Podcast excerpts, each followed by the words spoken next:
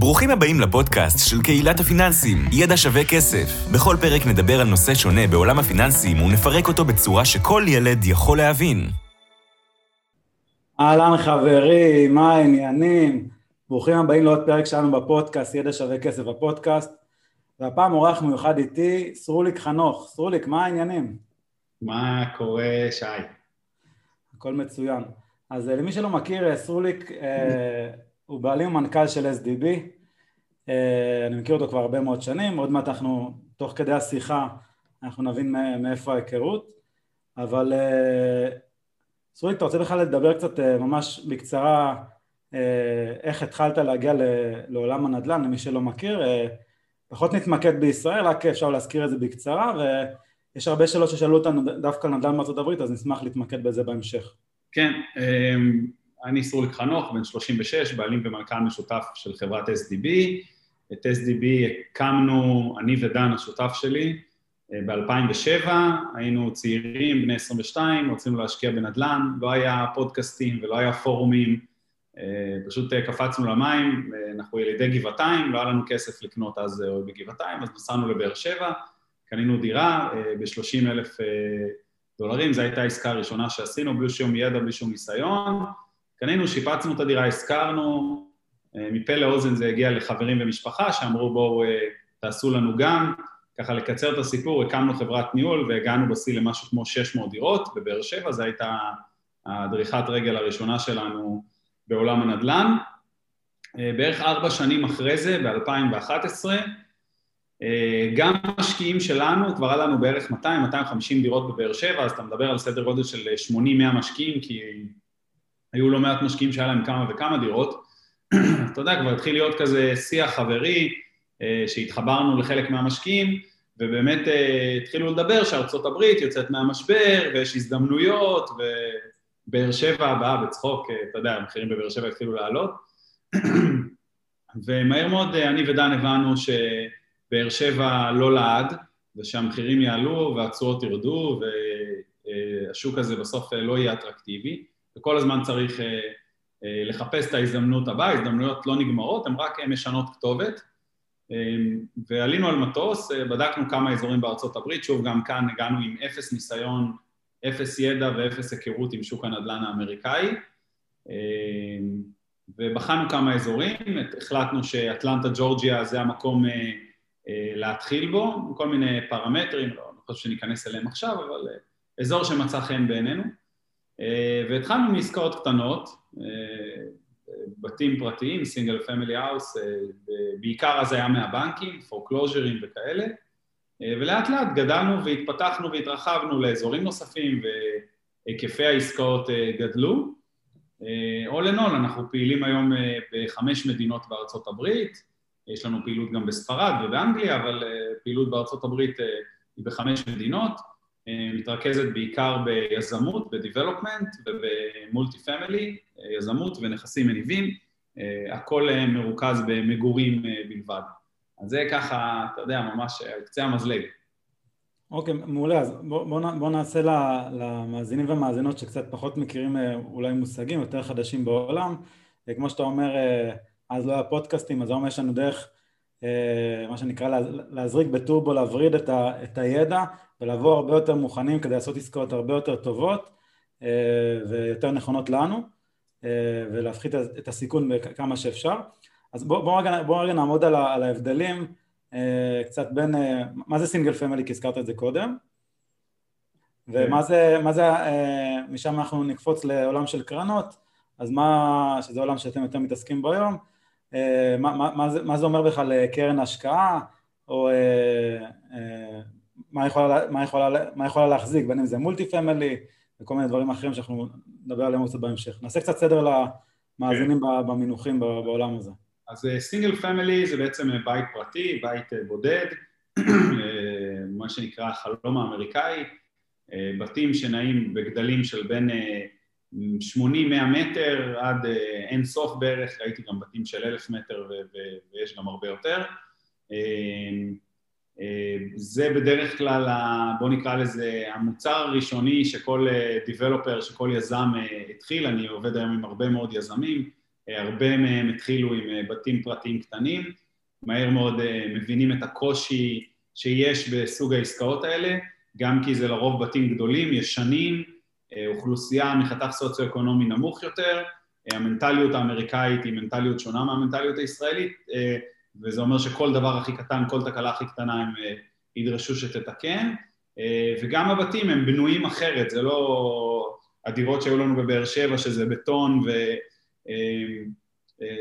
ובנייה אחרת שהיא מראש מועדת יותר לפורענות ויותר תקלות, וזה בדרך כלל הסיבה שרוב הקרנות והיזמים מהר מאוד עוברים מה single family ל multi family ול development, שזה בעצם הקרנות הגדולות והגופים המוסדיים, זה בוא נגיד תחומי ההשקעה חביבים עליהם, אז ההבדל בין single family אמרנו זה בית פרטי, multi family זה בעצם צורת רישום, הרבה אנשים מתבלבלים ונוטים לחשוב שאיך שזה, שזה נראה הופך את זה ל multi family, כשבנו את הנכס ברגע שהוא מעל ארבע יחידות, חמש וצפונה, וההיתר הוא היתר ל multi family וזה נבנה כ multi family, זה בעצם אומר שאין פרצלציה, זאת אומרת זה הכל ייקנה או יימכר כמקשה אחת, זה יכול להיות חמש, עשר יחידות, ויש לנו גם מתחמים של 300 ו-400 יחידות של multi family שרכשנו, אין, אין סוף לגודל, וכמו שאמרתי זה לא איך שזה נראה, יש multi family שנראה style Melrose Place כזה, עם גינה וחדר כושר, כמו שאתם בטח מדמיינים בראש, ויש multi family שהוא נראה כמו בניין משרדים שאנחנו יושבים בו פה, בניין גבוה של 300 דירות יוקרה והוא גם multi family, אז צריך לשים לב, זה צורת הרישום ולא הנראות, multi family זה עולם שלם של נכסים מניבים, מוצר שלא קיים בארץ, אז צריך קצת לעשות switch ולהבין מה זה אומר, ברגע שזה נקנה ונרכש כמקשה אחת, אז מה שזה אומר שזה אוטומטית הופך למוצר למשקיעים, דרך המגורים הנפוצה בארצות הברית, יש המון המון משקיעים קרנות, מוסדיים מכל העולם שמשקיעים ב multi family בארצות הברית, אחד המוצרי ההשקעה הנפוצים שיש בכלל בעולם בנדל"ן, בפרט בארצות הברית, וכל הדבר הזה מביא את עולם ה multi family, אתה יודע, ככה ננסה להסביר על, על רגל אחת, כי כמובן שיש המון המון המון היבטים ב multi family מהגודל וההיקף והאזור ואיזה סגנון זה והמון המון המון פרמטרים שצריך להכיר, זה ממש עולם שלם ה multi family. אז אני רוצה דווקא להתעכב על מה שאמרת, אולי לא הזכרת את המונח פרצלציה בהקשר של multi family, של, שלמעשה multi family, ה owner, הבעלים של, של כל המתחם, כמו שאמרת, זה צורת רישום, זה לא איך שזה נראה, הוא owner אחד. אז, אז מפה אפשר להבין שאם אתם התעסקתם ב single family, שאתם קונים בית פרטי, בית של משפחה או איזשהו דייר קטן וחביב, מזה לעבור ל multi family, לא משנה כרגע איזה גודל מדברים, זה, משהו שהוא שונה, נכון? זה משהו שהוא התנה, התנהלות קצת שונה, זה בדרך כלל יותר גדול, בדרך כלל סכומים יותר גדולים.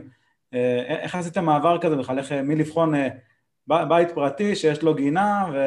ואולי כלב חמוד, למשהו שלא יודע, אולי יש שם חדר כושר, אולי יש שם מכונות כביסה, ואני לא יודע איזה דברים הוא צריך לבדוק משהו מאוד מאוד גדול, מסיבי, שקצת מזכיר מסחרי לפעמים, במידה מסוימת. אז, אז קודם כל אתה צודק, זה נכס שהוא נחשב מסחרי, גם הלוואות למולטי פמילי, הלוואות מסחריות ולא הלוואות פרטיות כמו בתים פרטיים. העולם הוא עולם שונה, עולם שהוא קפיצה מ... בוא נקרא לזה בתים פרטיים שזה בית ספר יסודי לאוניברסיטה, שזה ה multi family. כמובן שבמשך הרבה, במקרה זה מצחיק, במקרה אתמול עשיתי קצת סדר במחשב ומצאתי איזו תיקייה שכשהתחלנו לבחון את המעבר ל multi family ב-2013-2014, לעשות את ה shifting הזה מבתים פרטיים ל multi family, אז אספתי המון המון הצעות, רציתי ללמוד את התחום. גם פה באתי עם אפס ניסיון, היה לנו 400 בתים מסוג single family שקנינו, מאוד בזול, לשמחתנו הרווחנו, כי, כי בשוטף כמעט אי אפשר להרוויח בבתים האלה, מפאת כמות הבעיות והצרות שיש בבתים הפרטיים והקושי בלנהל אותם, אז הבנו את ה shiftים, אמרנו אוקיי, קנינו בזול, המחירים עלו, אבל בשוטף נורא קשה להרוויח, אנחנו רוצים משהו שיהיה יותר יציב, יותר קל לניהול, יותר קל לתפעול, באמת ראינו שכל הקרנות הגדולות, כל המוסדים, פונים למולטי פמילי, אוקיי, אם הם נמצאים שם, הם יודעים מה הם עושים, אנחנו צריכים להיות באותו מקום, והתחלתי באמת להיפגש עם ברוקרים באטלנטה, הייתי בערך עשרה ימים כל חודש מבלה באטלנטה בתקופה ההיא, והתחלתי לאסוף, ויש לי המון המון מצגות, מצאתי אתמול איזה תיקייה, המון המון מצגות על נכסים שהציעו לי ב-2013 ו-2014, שהמחירים היו מן הסתם הרבה הרבה יותר נמוכים מעכשיו, בעשרת אלפים, ב-15 אלף דולר לדור, אני אראה לך אחרי זה, זה נחמד לראות, היום זה שווה בערך פי 6, פי 7, פי 8, וככה התחלנו, התחלנו ללמוד, התחלנו לראות נכסים, התחלנו להסתובב, להסתכל בהתחלה על נכסים קטנים יותר, הנכסים פחות מורכבים, זאת אומרת, אז היה באמת הרבה נכסים שהיו בתפוסה נורא נמוכה, נכסים שעברו ונדליזם, אז חיפשנו משהו שהוא יחסית בתפוסה גבוהה יותר, התחלנו עם נכס של 12 יחידות, אני כבר עבר הרבה זמן, אני חושב שזה היה הנכס הראשון, זה היה בערך 12 יחידות, במיקום אגב הרבה יותר טוב, במיקום יחסית טוב מאוד אפילו, ביחס לאזורים שהיינו קונים את הבתים לפני, במטרה באמת להתחיל איזושהי דרך חלקה יותר, והצלחנו להשיג מימון, כמה משקיעים, הגדנו כמה משקיעים, ורכשנו את זה, זה היה טבילת מים הראשונה, כמובן שאתה לומד תוך כדי, התייעצנו עם brokerים, התייעצנו עם כמה חברות ניהול, יש חברות ניהול שמנהלות multi family,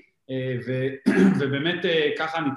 נכנסנו לתחום, ולאט לאט גדלנו בהיקפים, גם בהיקפים של, בעיקר בהיקפים של היחידות, כי יש איזשהו, יש איזושהי מדרגה ב multi family שמתחת ל-60, 70, 80 דירות,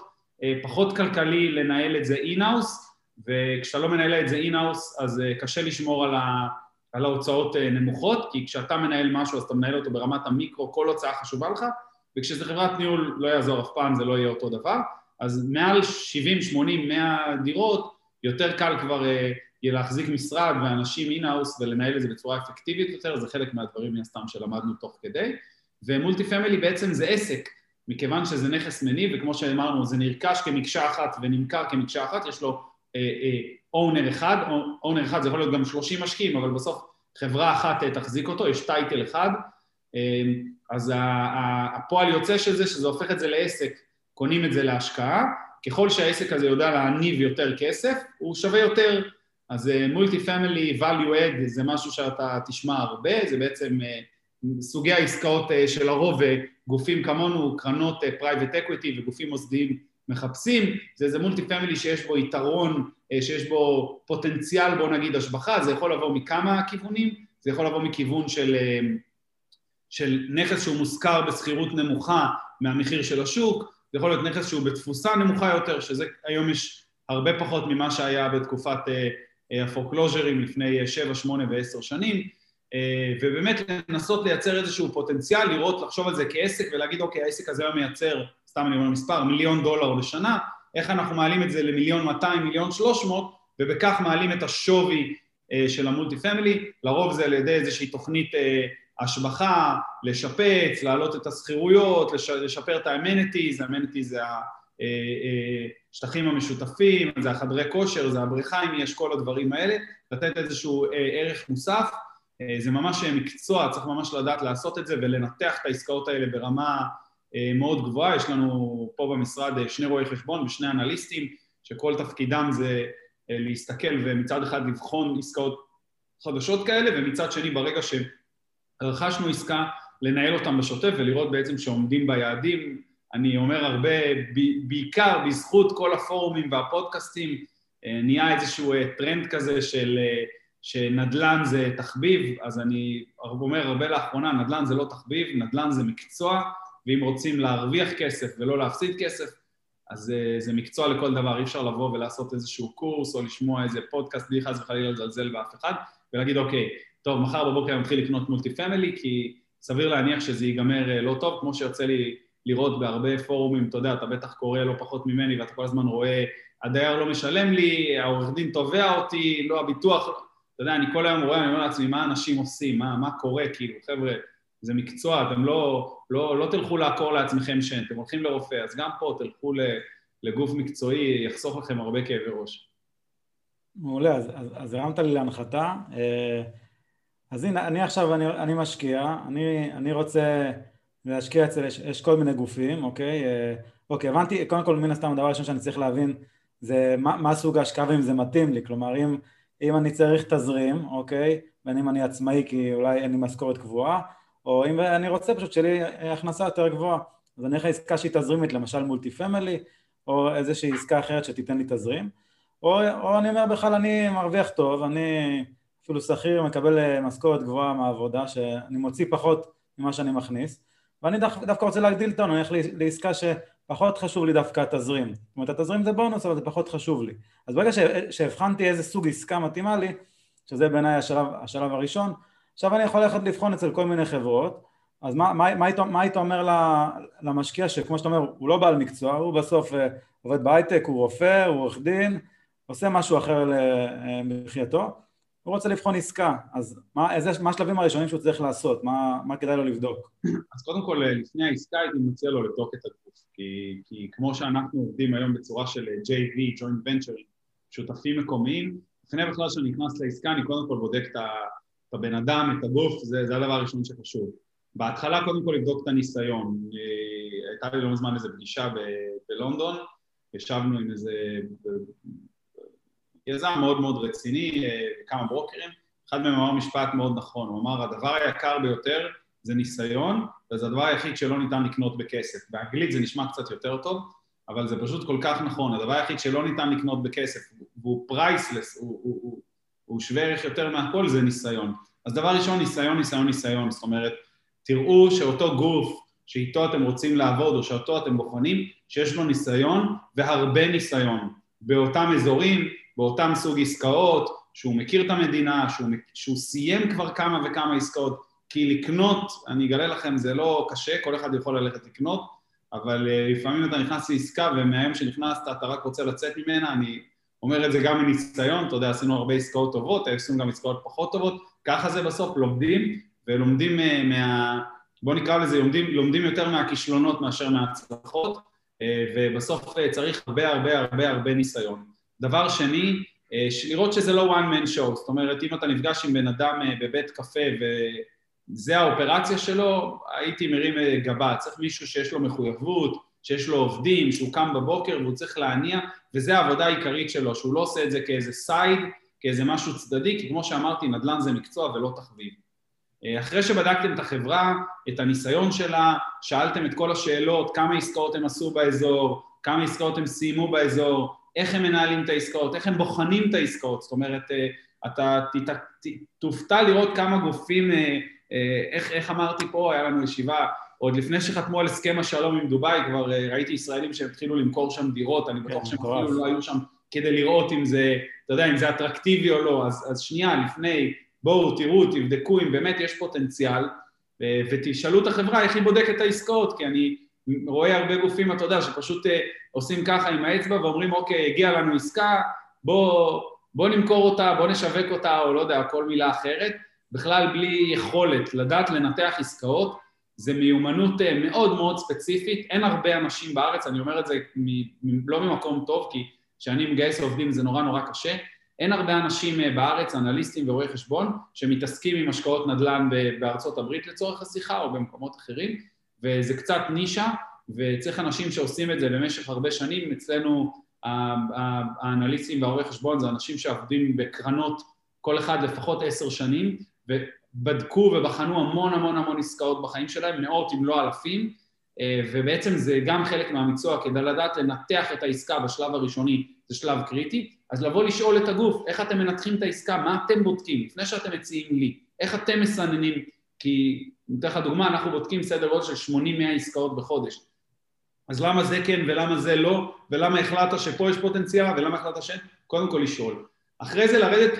לגופו של עסקה, זאת אומרת, קודם כל אמרנו בודקים את הגוף שרוצים להשקיע איתו, יש ניסיון, יש אופרציה, יש אנשים, נראה מה שנקרא מרגיש טוב, ואני גם אומר את זה בכנות, לא להשקיע בפגישה הראשונה, אין, אין, אין לחץ, הכל בסדר, העולם לא, לא מתמוטט, זאת אומרת, אם אתה הגעת לפגישה ואומר לך, תקשיב, אם אתה לא חותם עכשיו, חבר'ה, הכל בסדר, הכל טוב, אם לא העסקה הזאת, יש עוד עסקאות, אה, וכן לעשות איזה בדיקה וכן לעשות איזה סבב. אה, לא להתפתות להבטחות, זה תשואה מובטחת, אני חושב שדיברו על זה כל כך הרבה פעמים, תשואה מובטחת, תשואה גבוהה באופן חריג, כל מיני דברים של ערבות בנקאית, אה, חוזה שכירות מיום ראשון, צ'קים, שמעתי כל כך הרבה דברים, ובאמת, אתה יודע, אני נפגשתי עם אלפי משקיעים במהלך הקריירה שלי, והיו לי כל כך הרבה פגישות ש, שאמרו, אוקיי, אבל אצלך אתה אומר שיש סיכון, ואפשר להרוויח, ואפשר להפסיד, וזה לא בטוח. הנה, תראה גוף אחר, הוא מבטיח לי מ-day one צ'קים, ערבות בנקאית. אמרתי לו, תקשיב, אותו גוף מרוויח ביום שאתה קונה, ומה קורה אחרי זה זה פחות מעניין, ואני לא רוצה להגיד שמות, אבל אף אחד מהגופים האלה כבר לא קיים היום, כולם מכירים. אה, אז, אז יש סיכון בכל השקעה, ואם אומרים לכם שזה לא נכון, אז או שמטעים אתכם, או שלא דוברים אמת, תבחרו אחד מהשניים. אז להיזהר מההבטחות, לבדוק את הגוף, ואחרי זה לרדת לגופו של עסקה. זאת אומרת, אני לא מצפה מאף אחד שיהיה אנליסט וידע לקרוא גיליונות על גיליונות של אקסלים שבנו במקרה, נגיד אצלנו, אז בונים את זה רואי חשבון ושני אנליסטים עם עוד אה, אה, בערך ארבעה-חמישה אנשי מקצוע, באמת, עם, עם כל הכבוד, גם אני לא מבין את האקסלים, אתה יודע, לא יורד לגופו של עד הסוף, אבל כן מבין מאוד מאוד את כל הדיטלס, אה, באמת בונים אה, אה, אנליזה ברמה מאוד מאוד גבוהה, עם המון המון חישובים והמון אה, אה, אה, טבלאות רגישות וכל מיני דברים כאלה שאנחנו בודקים, אה, ולרדת לגופו של עסקה, אני לא מצפה מאף אחד שידע לנתח, אבל כן לשאול את השאלות הבסיסיות, זאת אומרת, מה הפוטנציאל בנכס? למה אנחנו קונים את הנכס הזה בזול יותר מנכסים אחרים? איך יש פוטנציאל השבחה? אתה יודע, אני שומע כל כך הרבה, כן, נקנה את זה, ועוד שלוש שנים השוק יעלה, אז נמכור ברווח. אז אני, תמיד אני אומר להם, אוקיי, אם אתם יודעים שהשוק יעלה או ירד, ואתם נביאים, אז לא צריך עסקה, לכו תמלאו לוטו, אתם כבר יודעים את המספרים של הטוטו, ותזכו, אתה יודע, עסקת נדל"ן צריכה שיהיה לה אה, אה, אה, תוכנית סדורה להביא את הנכס משווי A לשווי B, אוקיי? זה צריך להיות תוכנית סדורה. זה שאפשר למכור את זה בדרך ולפעמים דברים מתחברים ומוכרים לפני הזמן או, או, או דבר כזה או אחר, זה לא משנה, צריך לראות תוכנית סדורה, איך עושים את זה, וגם אפשר לבקש לראות איך עשיתם את זה בעבר, זה גם בסדר. לשאול כמה שיותר שאלות, אתה יודע, שאלות של common sense, מה לוחות הזמנים, לאן הכספים עוברים, מי מנהל את העסקה, מה קורה אם, מה קורה אם ככה, מה קורה אם ככה, אם יש backup plan, מאיפה מגיע המימון, אתה יודע, כל השאלות הכלליות, אני באמת לא מצפה מאנשים, כי הרוב באמת, כמו שאמרת, לא מבינים, לא מצפה לרדת לדיטלס, כמובן, מי שיודע עוד יותר טוב, אבל מי שלא, לשאול כאילו, לראות בסוף אם הדבר הזה עושה לך שכל, והדבר הכי חשוב זה שקיפות, לבקש לראות את הכל, לשאול את כל השאלות שעולות לכם לראש, אם באיזשהו רגע אתם מרגישים שמתחמקים מכם, שלא נותנים לכם תשובות, שלא נותנים גישה למסמכים, זאת אומרת, ביקשת לראות את החוזה קנייה, אין שום סיבה שלא יראו לך את החוזה קנייה. ביקשת לדבר עם העורך דין שמטפל בעסקה, אין שום סיבה שלא תוכל לדבר. שוב, לא כל שאלה קטנה, אתה יודע, לבוא ולהציק, אבל, אבל באמת אה, בדברים העניינים צריך שלמשקיעים תהיה שקיפות מוחלטת, אם אין שקיפות אז זה גם, אני חושב, נורה אדומה. אז אם אני מסכם את זה ככה בכמה נקודות, קודם כל זה הגוף, ובעיקר, בעיקר, בעיקר ניסיון, ניסיון, ניסיון, ניסיון. אה, אחרי זה זה הנושא של אה, להיזהר מההבטחות אה, וכל מיני, אתה יודע, הבטחות באוויר ואין סיכונים וצ'קים וערבויות. אחרי זה דבר שלישי, זה הנושא של העסקה עצמה, לרדת לנושא של העסקה עצמה, לשאול שאלות על העסקה עצמה, והנושא של השקיפות ככה בשלוף ארבע נקודות שחשובות למישהו שהוא מחפש את העסקה הבאה שלו. מעולה. אני גם יכול להגיד באופן אישי שאני השקעתי אצלכם בעסקה שהייתה מאוד מוצלחת, שהסתיימה באמת לפני שבועיים. אה, אז אני ועוד מתכנן פיננסי נוסף, שלא נקוב, מוכר, לא נקוב בשמו, אה, בחנו את אותה עסקה, באמת אה, כל אחד בחן את זה בדרכים שלו, הכנו רשימת שאלות באמת באורך הגלות, הרבה מאוד שאלות, וכמו ש, שסרוליק אמר, לא, לא חתמנו ביום הראשון, אוקיי? ביום הראשון זה באמת יותר באנו לפגישה להתרשם מהאנשים, אה, אולי קצת לחייך, אולי קצת mingling, לראות, לראות, לראות על מה מדובר, כי בסוף אה, אנחנו יודעים שאנחנו יושבים אה, מול נציג של חברה, ואין מה לעשות, אחד, אחד הדברים של הנציג זה, אחת המטרות שלו, זה גם, גם בסופו של דבר לטובת החברה. אז, אז צריך לשאול את כל השאלות, כל מה שמטריד אתכם, זאת אומרת, אין דבר כזה לא נעים. זאת אומרת, אם, אם אתם מרגישים שמשהו לא נעים, אל תשמרו את זה אצלכם, כי בסוף זה הכסף שלכם. רק אתם יכולים להגן על הכסף שלכם, ו, ובאמת קיבל, קיבלנו באמת uh, תשובות לכל השאלות, בסוף נכנסנו לעסקה, העסקה נגמרה, הסתיימה בהצלחה, אפילו חודשיים לפני הזמן, אבל מאוד מאוד חשוב לי ש, שתכינו לכם uh, רשימת שאלות, כשאני אומר רשימת שאלות זה אומר להבין, אני, אני, אני תמיד אומר ב, בעסקאות מהסוג הזה, אתם לא היזם, אוקיי? אתם אף פעם לא תהיו יזם, אף פעם לא יהיה לכם את הניסיון של היזם, אבל אתם בסך הכל מציגים לכם איזושהי מצגת. בדרך כלל כל המצגות תמיד מצליחות, כל האקסלים תמיד מצליחים, כביכול הכל טוב. אבל מה אתם יכולים לעשות? אתם יכולים לעבור ממש אה, שקף שקף במצגת ולהסתכל, אוקיי, זה האזור שבחרתם. מעולה, תסבירו לי למה בחרתם אותו, ואז תראו אם זה make sense, אם זה, אם זה הגיוני לכם. אוקיי, אחר כך אתם, אתם, אתם רואים אה, אה, אם זה יזם מסוים, זה יזם, אז בואו בוא, בוא, בוא נראה מי זה היזם, למה דווקא איתו, האם היו, היו עם היזם הזה ספציפית גם עסקאות קודמות. ולאט לאט כל דבר שאתם אה, מתקדמים במצגת, תראו אם אתם מבינים את העסקה, איך אתם יודעים שאתם מבינים את העסקה? שאתם יודעים להסביר את זה אה, אה, לאימא שלכם, אוקיי? זה מבחינתי המדד. אם אמא שלכם הבינה מה העסקה, ובנדל"ן כל עסקה, שוב בגדול, כן? לא, לא בפרטים של אנליסט, אפשר להסביר אותה לבן אדם אחר, כי אנחנו כולנו גרים תחת קורת גג כלשהי, אוקיי? בסוף זה די דומה. אוקיי, אז בואו בוא, בוא נדבר קצת על, על מושגים שחשובים, שאולי לא הרבה אנשים שמכירים בעולם הזה, לפעמים גם זורקים אותם לפעמים בפגישות, אז בואו נדבר קצת מה, אה, קודם כל מה, מה זה cash on cash, זה מושג שעולה הרבה, קאפ רייט זה מושג שחשוב להכיר בעולם של אה, השקעות נדל"ן בארצות הברית, וכמובן אה, IRR. אז בוא, בוא קצת נגיד אני רוצה, ברשותך, אני רוצה ברשותך להגיד עוד איזה משפט לפני, לפני שנגע, ניגע בכל המונחים האלה שאמרת. אז קודם כל באמת ציינת שהשקעת בפרויקט שלנו שהיה באמת מוצלח, וקודם כל אנחנו מאוד שמחים על זה. אה, ומודים לך על האמון שנתת, ואני לא יודע מי זה השני, אבל whatever, מודים לכל המשקיעים שלנו אמון גדול. מאוד חשוב לי להגיד, אתה יודע, יש לנו הרבה פרויקטים שהם מוצלחים, אבל יש גם פרויקטים שהם פחות מוצלחים. אני לא בא לייצר איזו תמונה שכל עסקה תמיד מצליחה ותמיד עומדת בזמנים, אתה יודע, בסוף זה צפי, צפי ל-X זמן ו-X אחוז רווח. עכשיו, לצערי אנחנו נמצאים בתחום הכי מדיד בעולם. אין אף תחום שהוא יותר מדיד מהתחום שלנו, כי בסוף יש זמן ויש אחוז. הגעת, לא הגעת, זה נורא פשוט. שאתה, כל תחום אחר, נורא קשה למדוד אותו ברמה כזאת מדויקת, אתה יודע, אתה הולך לסרט, אתה, אתה אוכל משהו במסעדה, מקסימום לא היה טעים, מוצאים לך איזה קינוח, השתנתה החוויה, אבל אצלנו אנחנו בעולם שהוא נורא מדיד. אז הרבה פעמים אני מדבר עם משקיעים, אה, ואני גם רואה, אתה יודע, כל מיני התכתבויות וכל מיני כאלה, ותמיד השאלה הראשונה, נו, השקעת איתם, הצליח לך, הצליח, עבד, אז, אז אז אני, אני רוצה להגיד משהו, אוקיי? גם אני כמשקיע, ואני משקיע הרבה מאוד כסף בכל העסקאות, בכל הפורטפוליו של SDB, שמונה כמעט 70 אה, נכסים בשלוש מדינות, וחלק מהעסקאות אנחנו עושים רק אני והשותף שלנו, בלי עוד משקיעים וכל מיני כאלה. חלקם באמת הרבה יותר מוצלחות, חלקם פחות מוצלחות וכו'. אני, אני מאוד מאוד מציע לאנשים לא למדוד בהכרח את התוצאה של פרויקט רק בזמן וברווחיות, למדוד את הגוף שליווה אתכם בעוד פרמטרים. זאת אומרת, האם נתנו מענה? האם נתנו דיווחים לאורך הדרך? האם היו קשיים, איך התמודדו איתם? האם הייתה שקיפות? האם הייתה בעיה, באו ואמרו שיש בעיה בזמן?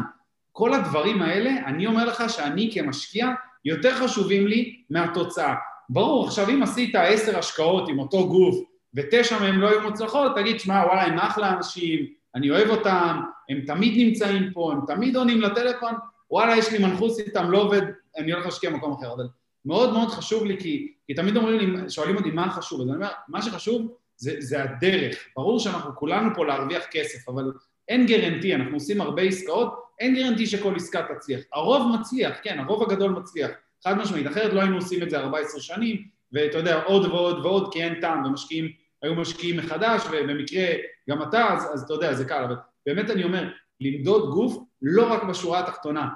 מרימים טלפון, האם יש מענה, אתם מבקשים להגיע, אם אפשר, אם מתחמקים מכם, זה באמת בעיה, אבל להסתכל קצת על התמונה הגדולה, כי אני מכיר הרבה מאוד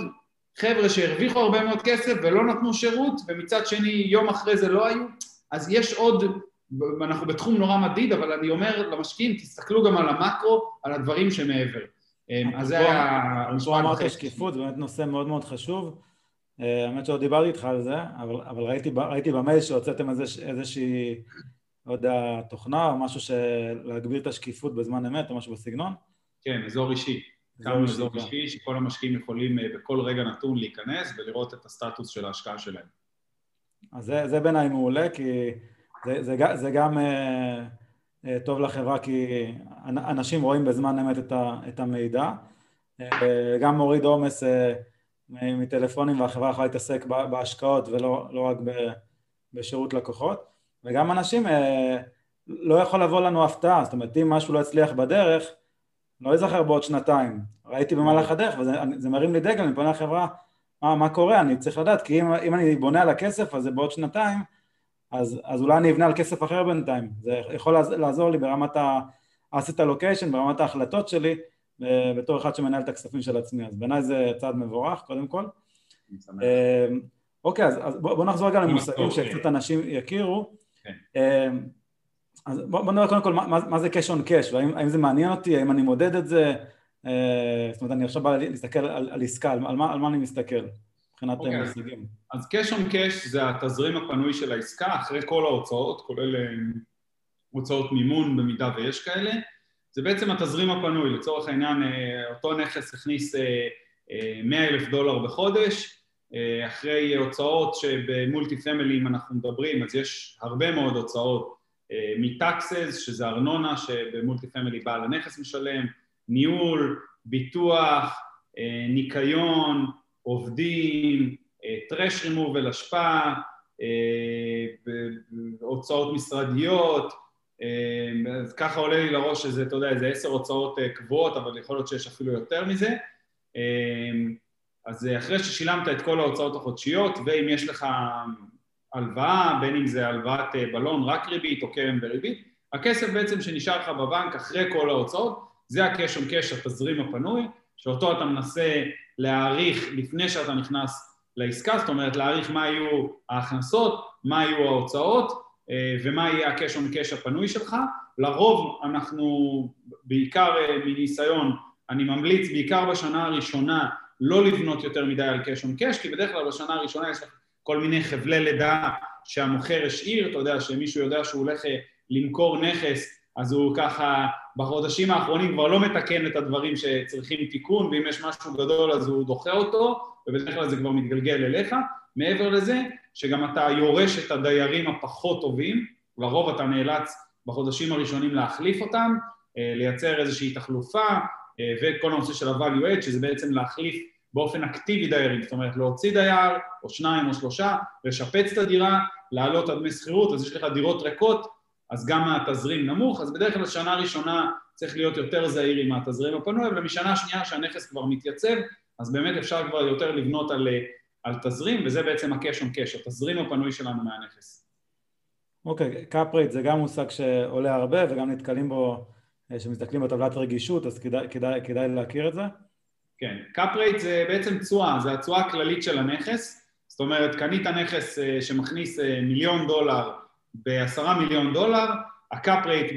באותה נקודת זמן יהיה עשרה אחוזים, יהיה cap עשר מה שנקרא, אה, ובעצם הוא, אה, הוא נותן לך את אה, שיעור התשואה הכללי של העסקה. cap rate בכל נכס, בכל אזור, ה cap rate משתנה, ה cap rate משתנה בהתאם לשוק, זאת אומרת בהתאם לאותו אפיק השקעה, אם זה multi family, אם זה משרדים, אם זה מסחר, לכל סקטור כזה יש cap rate אחר, באזור אחר, אה, אז צריך באמת להתאים, זאת אומרת לבוא להגיד נכסים כאלה נמכרים ב cap 6 או ב cap 7 או נרכשים ב cap 6 או cap 7, זה מאוד מאוד כללי, צריך לבדוק את ה cap rate אם אתה מתכוון למכור, אתה אומר אוקיי אני קונה את זה באיזשהו cap rate מסוים, אבל זה פחות רלוונטי בדרך כלל ה cap rate בקנייה, יותר רלוונטי ה cap rate במכירה, זאת אומרת אתה רוצה למכור, ועשינו הרבה מאוד עסקאות שה cap rate בקנייה היה נורא נורא נמוך, שלושה וחצי, ארבעה אחוזים, שעל פניו אתה אומר אין בזה היגיון, אבל זה היה בגלל שבעל הנכס לא העלה שכירות במשך אה, חמש-שש שנים, וברור לכולם שיש פה פוטנציאל אדיר להעלות את דמי השכירות, אז אמרנו, אוקיי, מה ההכנסה היום? אם אנחנו מעלים את ההכנסה ב-30 אחוז, מה, מה, אה, מה בעצם יהיה ה-NOI שלנו? ה-Net Operating Income, ההכנסה הנקייה לפני הוצאות מימון, ה-Net Operating Income במכפלה של ה-Cap Rate זה בעצם אה, אה, אה, מייצר לנו את שווי הנכס, ואז אתה בעצם רוצה לראות באיזה קאפ, מה המכפלה, זאת אומרת, אתה אומר, אוקיי, אני יודע לייצר לנו מהנכס הזה מיליון דולר, ואם ה cap באזור לנכסים דומים, מה זה נכסים דומים? פחות או יותר אותה שנת בנייה, אותו אזור, פחות או יותר אותם כמות יחידות, אז אתה מייצר, לייצר איזה ממוצע, אתה רואה בעצם שנכסים דומים נמכרו נגיד בין חמש וחצי לשישה אחוזים cap, אז אתה הולך על הממוצע, על חמש שבעים וחמש, אתה אומר אוקיי, מיליון שלוש מאות אחרי שהעליתי את השכירות במכפלה של חמש שבעים וחמש, שווה, סתם אני אומר, חמש עשרה מיליון דולר, ואז זה, זה הצפי מכירה. אתה עושה את כל העלויות, אתה אומר, אוקיי, הנכס עולה לי 10 פלוס שיפוצים של 2 מיליון דולר, הגעתי ל-12 מיליון דולר, על שווי מכירה של 15, וואלה, עסקה, עסקה מעניינת. אז זה בעצם הנושא של ה cap rate, כבר נתתי גם במקביל הסבר על ה-NOI, כי זה בדרך כלל שני דברים שהם מייצרים את שווי הנכס. הסברנו ש multi family זה עסק, ואיך אנחנו מודדים את העסק, אז ב multi family מודדים את העסק, NOI במכפלה של הקאפ רייט. מעולה, אז בהקשר הזה, אז מת, מתי אני אסתכל על ה-IRR שאני ארצה להשוות? עוד פעם? מת, מת, מתי אני ארצה להסתכל על ה-IRR? אוקיי, ה-IRR זה בעצם תשואה פנימית, זה חישוב שאי אפשר לחשב אותו לא בראש ולא במחשבון, זה נוסחה אקסלית, שאתה מכניס את התאריך שהכסף יצא ואת התאריכים שאם יש כניסות לאורך הדרך של כספים ובשלב המכירה ואתה מייצר איזושהי טבלה עם נוסחה אקסלית וזה נותן לך את תשואת ה-IRR, זה בעצם תשואה פנימית, שכחתי את המילה, תשואה פנימית משהו, עוד איזו מילה, זה דרך נפוצה למדוד את התשואה, שככה מחשבים בדרך כלל תשואה ב multi family, ב-IRR, ב-Development, ביזמות, בדרך כלל נחשב תשואה ב-ROE, Return on Equity, זאת אומרת תשואה פשוטה, קיבלת עשרה אחוז בשנה כפול שלוש שנים, 30 אחוז פשוט, IRR כמו שאמרתי זה חישוב שלא ניתן לעשות אותו בראש, זה נוסחה אקסלית שככה מחשבים תשואה ב multi family, יש הרבה,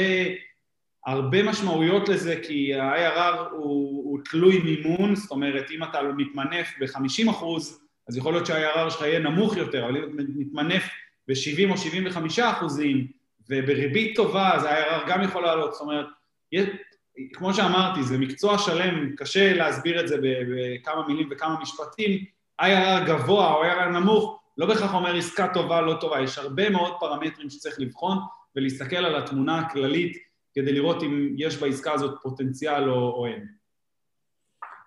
מעולה, אז נראה לי דיברנו על, על רוב המושגים החשובים, בין אם זה ה-due diligence ל, ליזם קודם, לחברה קודם, אוקיי? אחר כך דיברנו על אה, לבחור את ההשקעה שיותר מתאימה לי, ואחרי שהבנתי את ההשקעה שיותר מתאימה לי, אז, אז uh, uh, להתחיל לשאול הרבה, הרבה שאלות, uh,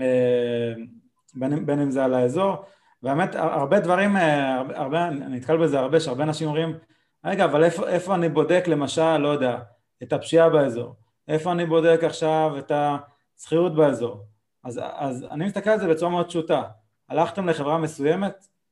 זרקו את השאלות עליהם, תשאלו איפה אתם בדקתם את הפשיעה באזור. אם ישלחו לכם לינק או שם של אתר, קודם כל אתם תלמדו מהתהליך הרבה מאוד, אבל מעבר לזה, כל מה, כל מה שהם בדקו, אתם בסך הכל צריכים לעשות, אתם לא צריכים להיות היזם, צריכים לעשות due diligence למה שהם עשו, לראות שזה make sense, אוקיי? זה, זה בסופו של דבר מה שצריכים לעשות. והדוגמה הכי טובה שקל לי להסביר את זה לאנשים ואז נופל האסימון, היום אם אני רוצה להשקיע נגיד בקופת, זה שאלה של הרבה אנשים, זה די מצחיק, של אנשים, יש לך קרן השתלמות או קופת גמל, אומרים לי כן, אומר באיזה חברה, נניח אומרים על צ'ולר, כי זו חברה מאוד נפוצה, אז אני אומר, מעולה, אני אומר, אתה יודע, אתה יודע במה הם משקיעים? אף אחד לא יודע, כולם מתעממים. אז אני אומר, כמו, אני אומר, כמו שאתה אתה לא יודע, אתה לא נכנס לקרביים עכשיו של צ'ולר שחם ולבדוק איזה, איזה מניות הם, הם קונים ומתי הם מוכרים, בסוף הם הגוף המקצועי, סמכת עליהם, כמובן שפה זה מפוקח וכולי וכולי, אבל סמכת עליהם כגוף מקצועי, אוקיי? אז אותו דבר פה, אתה צריך לבחון את מספר חברות, לעבוד עם גוף שאתה מרגיש שהוא מקצועי, ואז לבדוק שזה make sense, כי ההבדל פה היחידי, נאמר בעניין הזה, פה משקיעים בנדל"ן, פה משקיעים בשוק ההון, למרות שגם על צ'ולר משקיעים בנדל"ן, אבל, אבל בסופ, בסופו של דבר אנחנו רוצים לראות שזה make sense ולהגן על הכסף שלנו, ובסוף, כמו שאמרת, אני לא אהיה הרופא, אני לא אהיה עורך דין, אז כל אחד שיעשה את המקצוע שלו. נכון. אני קודם כל מסכים איתך במאה אחוז, זה בסבירות די גבוהה, אם הגוף שאתה משקיע איתו הוא גוף רציני, סביר להניח ש-97% מהשאלות שאתה שואל, אמור להיות להם את התשובות בשלף, מה שנקרא. זאת אומרת, מטבלאות רגישות, והשוואות של קאפ רייט באזור והשוואות של קומפרבול של רנט באזור, זאת אומרת כל הדברים האלה זה דברים שכל גוף רציני בודק כחלק מהבדיקה שלו על העסקה וגם מה שלא, אז הוא אמור לדעת לספק לך תשובה בזמן סביר ובאמת אני לא מצפה שאף אחד יעשה את זה כי גישה לנתונים בארצות הברית בדרך כלל לנתונים האמיתיים זה בדרך כלל דרך ברוקרים, בטח ב multi family ש Zillow לא רלוונטי לתחום הזה, אז זה בדרך כלל נמצא ב records וצריך להיות עם רישיון של agent או ברוקר כדי לשלוף את כל הנתונים האלה, אז ככה בעצם אנחנו עובדים עם ברוקר מאותו אזור שמנפיק לנו את הנתונים וגם אז צריך לדעת לסדר אותם כי באמת לעשות השוואה תפוחים לתפוחים אם אתה משווה multi family חדש שנבנה לפני שנתיים עם בריכה וכל ה amenities ל multi family משנות ה-80 שאין לו כלום, אז זה לא השוואה נכונה, צריך לדעת גם את הדבר הזה להשוות בצורה, אז כמו שאמרת, באמת המשקיע הקטן, הלא, שלא מבין יותר מדי, באמת צריך להסתכל מלמעלה והגוף צריך לספק לו את כל התשובות ואת כל הניתוחים ואת כל המסמכים. מצוין, אז האמת מעיין נתן כתבה לנו, הלוואי שתעשו פודקאסט שלם רק על נדל"ן בארצות הברית, אז אנחנו עושים הרבה פרקים על הרבה דברים, אז הנה, הפרק הזה מוקדש במיוחד בשבילך. האמת שנראה לי שדי ענינו על איך מתחילים, די ענינו מה כדאי לבדוק, כמובן שזה עולם ומלואו, כמו שאמרנו, אי אפשר בפודקאסט וגם לא בקורס וגם לא בשני קורסים, לא להיות יזמים ולא לא להיות מומחים, אבל אפשר לקבל מושג וטעימה, בסוף אין תחליף לניסיון, צריך לקפוץ למים, צריך להיפגש עם חברות, צריך להתנסות, צריך להשקיע בעצמך, צריך לחוות את החוויה. הידע שיש לי היום זה לא הידע שהיה לי לפני כמה שנים, ו- וככה זה, זה, זה, זה בסוף הניסיון מדבר. אז אם יש לך עוד איזה כמה מילות סיום, איזה שני טיפים אחרונים שעולים לך לראש מאנשים שמגיעים באמת אליכם למשרד או נפגשים איתך באופן אישי, ככה איזה שני טיפים במיוחד בשביל מעיין נתן, ככה שיהיה לה הרגשה טובה. איזה עוד דברים כדאי לבדוק, עוד איזה שני טיפים ואנחנו נסיים. אז, אז כן, באמת, כמו שאמרתי, הדברים החשובים זה קודם כל אנשים, כי בסוף נדל"ן, אתה יודע, זה אנשים, לשבת עם האנשים, להרגיש בנוח, לראות שזה אנשים שהם בגובה העיניים, שמדברים בצורה ברורה, אתה יודע, תמיד אני אומר שבן אדם משתמש ביותר מארבעה, חמישה מושגים שאתה לא מכיר, זה כנראה כי הוא מנסה לפצות על דברים אחרים ש, שהוא לא יודע להסביר, הדברים שמישהו שהוא מבין אה, בצורה מאוד טובה במשהו, יודע להסביר את זה במילה וחצי, והוא לא צריך לעשות סיפורים ולהסתגש בכל מיני מונחים, כמו שאמרת, אם אני יודע להסביר את זה לאימא שלי בצורה פשוטה מאוד, אז כנראה אני מספיק מבין כדי להסביר את זה הלאה. לשאול את השאלות, לבחון, לא להילחץ, כן לקבל החלטות, זאת אומרת, עסקה טובה, אני לא אומר שהיא תישאר עכשיו חודשיים על המדף ותחכה לכם, אבל זה שלא חתמת במקום זה, זה בסדר, וגם אם זה גרם לך לפספס את העסקה, אז לא קרה כלום, עסקאות היו ויהיו, אבל באמת כן לעשות, לקום מהספה, לעשות את הדברים האלה. אני מכיר אנשים שבמשך כבר חמש ושש שנים, אתה יודע, איתנו בקשר, ותשמע, אני רוצה להשקיע, ובאים והולכים וחוזרים, ואני רואה אותו פה, והוא אומר לי, תשמע, מה עם העסקה ההיא שהייתה לך אז? אני אומר לו, תשמע, כבר סיימנו אותה, כבר סיימנו כבר ארבע עסקאות מאז באותו אזור, אה, וואי, איך היה לי את ההזדמנות, איך לא עשיתי, איך לא... אני, אני תמיד בגישה שאני לא אהיה זה שיגיד יותר, אתה יודע, היה לי את ההזדמנות ולא קניתי ולא עשיתי, שיש הזדמנות עושים, לבדוק, לבחון, לשאול, אבל, אבל בסוף לעשות, אין דרך אחרת. לעשות, לעשות, לעשות, אני לגמרי מסכים. אז תודה רבה סרוליק, באמת הזמן עובר מהר שנהנים. שמחתי מאוד לארח אותך איתה, כאן בפודקאסט שלנו.